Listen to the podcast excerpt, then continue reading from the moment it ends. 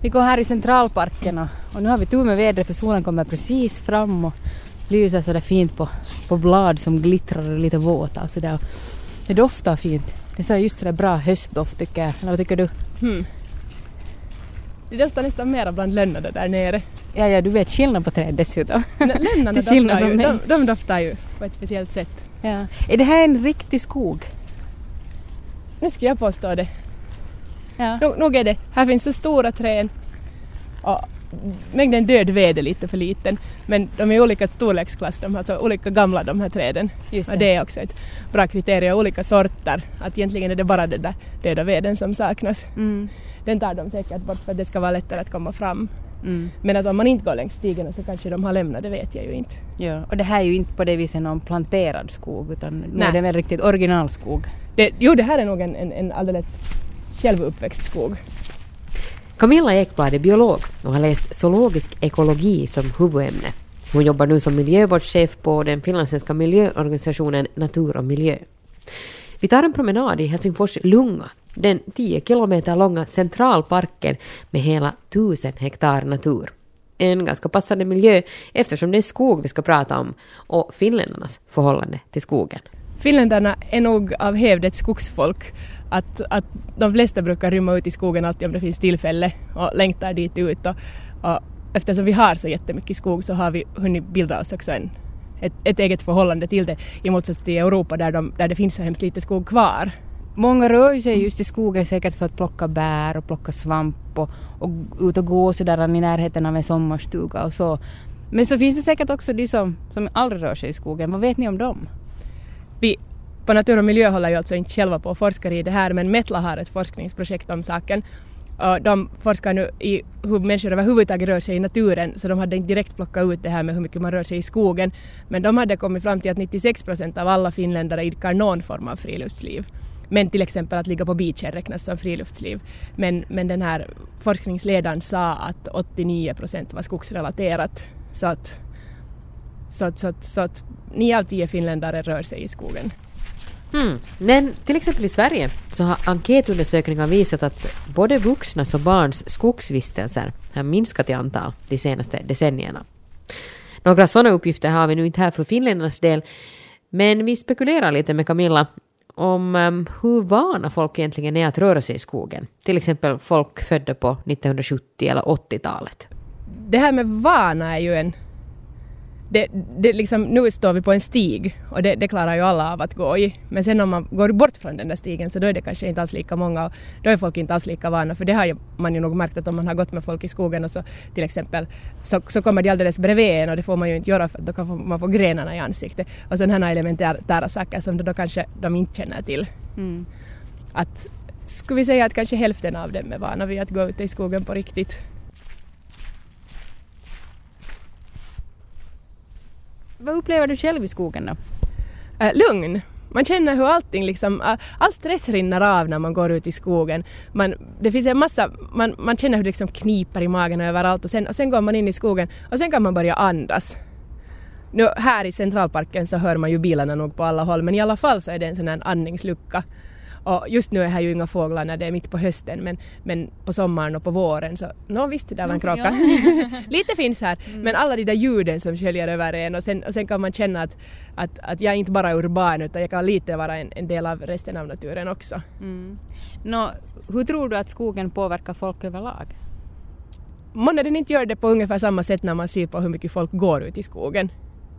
Vissa har kanske då större behov av det än andra. Och, och vissa väljer att bo urbant men sen när de far ut i skogen så far de på riktigt ut i skogen.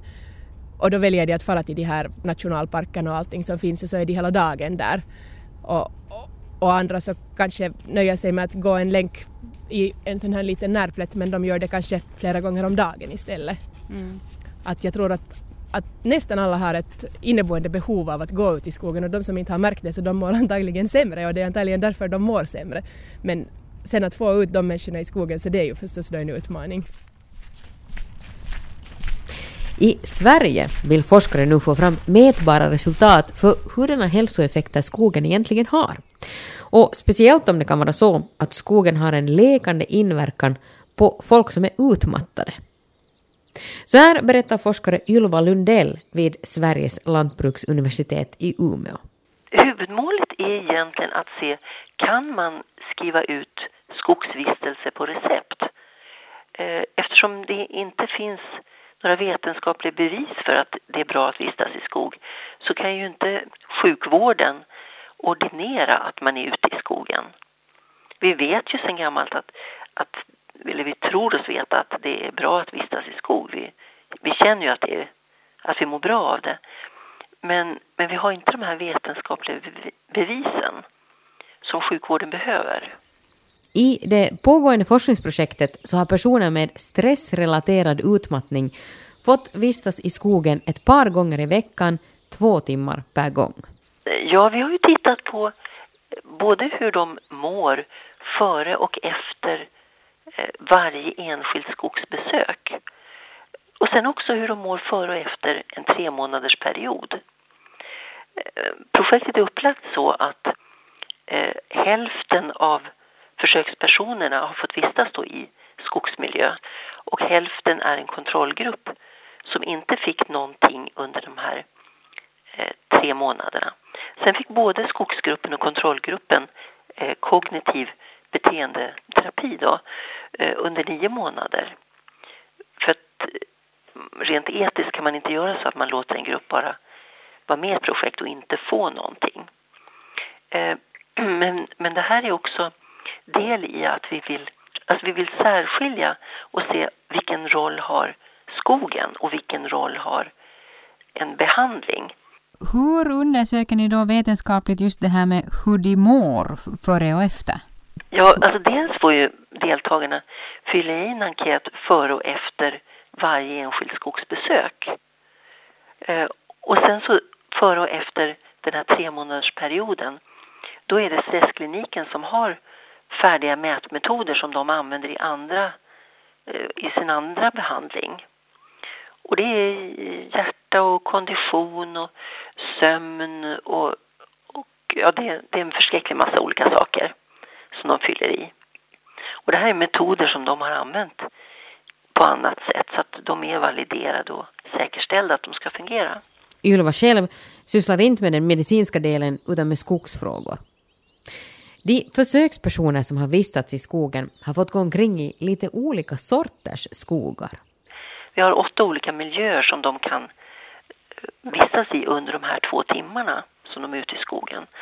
Och det är en tallskog, en granskog, en blandskog, eh, Eh, några ljusa stenhällar, eh, en öppen skog vid en sjö, det är en myrmark eh, och så vidare. Och dels vill vi ju se vilken skogsmiljö väljer de helst att vistas vid. Men också vad, vad, vad upplever de i skogen och vad ser de och vilka, vilka detaljer i skogen tycker de om att titta på och att uppleva. Och målet med det, det är ju också att man ska kunna skapa rehabiliteringsskogar som man sen kan använda i behandling. Eh, för att nu vet vi inte riktigt vilka skogstyper som människor föredrar att vistas i. För att riktigt få fram just hurdan skogsmiljö folk tycker om så har försökspersonerna fått bära med sig en GPS som har registrerat var de har rört sig. Vi kan ju inte följa efter de här deltagarna och se exakt var är de i sin miljö. Eh, utan då satte vi GPS på dem. Samkör ni de här resultaten då med, med Google Maps eller Google Earth och, och, och tittar liksom? Ja, precis, det gör vi. Nå, utgångspunkten eller bakgrunden här måste ju rimligen vara det då att, att folk med utmattningssyndrom inte normalt rör sig i skogen, är det så? Att de brukar inte vara där för annars skulle man behöva skriva ut recept? Eh, det finns nog både de som vistas i skog och de som inte vistas i skog. Eh, problemet är väl, som vi har hört då när vi har intervjuat patienter, det är väl att de, skogen har blivit kanske någonting som kräver någonting. Man går ut för att jaga, man går ut för att plocka bär, man går ut för att plocka svamp. Eh, det kräver en, en insats, en prestation. En del av dem nu har sagt att nu har jag äntligen hittat tillbaka till det här njutbara i skogen. Att bara kunna vara. För det är del i det här att de ska inte göra någonting utan de ska bara vara. Att hitta tillbaka till en, nästan något slags meditativt tillstånd i skogen. Om de här personerna helt objektivt fick en bättre hälsa på grund av skogsvistelserna, det får vi veta senast år 2013 då resultaten är klara. De ska redovisas senast då i samband med en planerad doktorsavhandling. Men eh, resultaten i en eh, liten pilotstudie som gjordes innan det här pågående projektet visar åtminstone att, att personerna själva upplevde att de började må bättre av att vistas i skogen. Intressant i det här sammanhanget är att även om vissa enkätundersökningar i Sverige då visar på att åtminstone för en del av svenskarna så har antalet skogsvistelser blivit färre med åren, så finns det samtidigt en annan attitydförändring på gång till skogens fördel. Medan skogen under 1900-talet länge enbart handlade om virkesproduktion för att sen övergå till att handla också om biologisk mångfald så har det på senare år också kommit att handla mer om skogens sociala värde, konstaterar Ylva Lundell i Umeå. Det är först de allra senaste åren som, som både Skogsstyrelsen och bolag och så har börjat prata verkligen om att det här med sociala värden, det är någonting som vi måste bygga på mycket mer. Och kanske satsa på vilt och fiske och alltså man, man ser andra kvaliteter i skogen.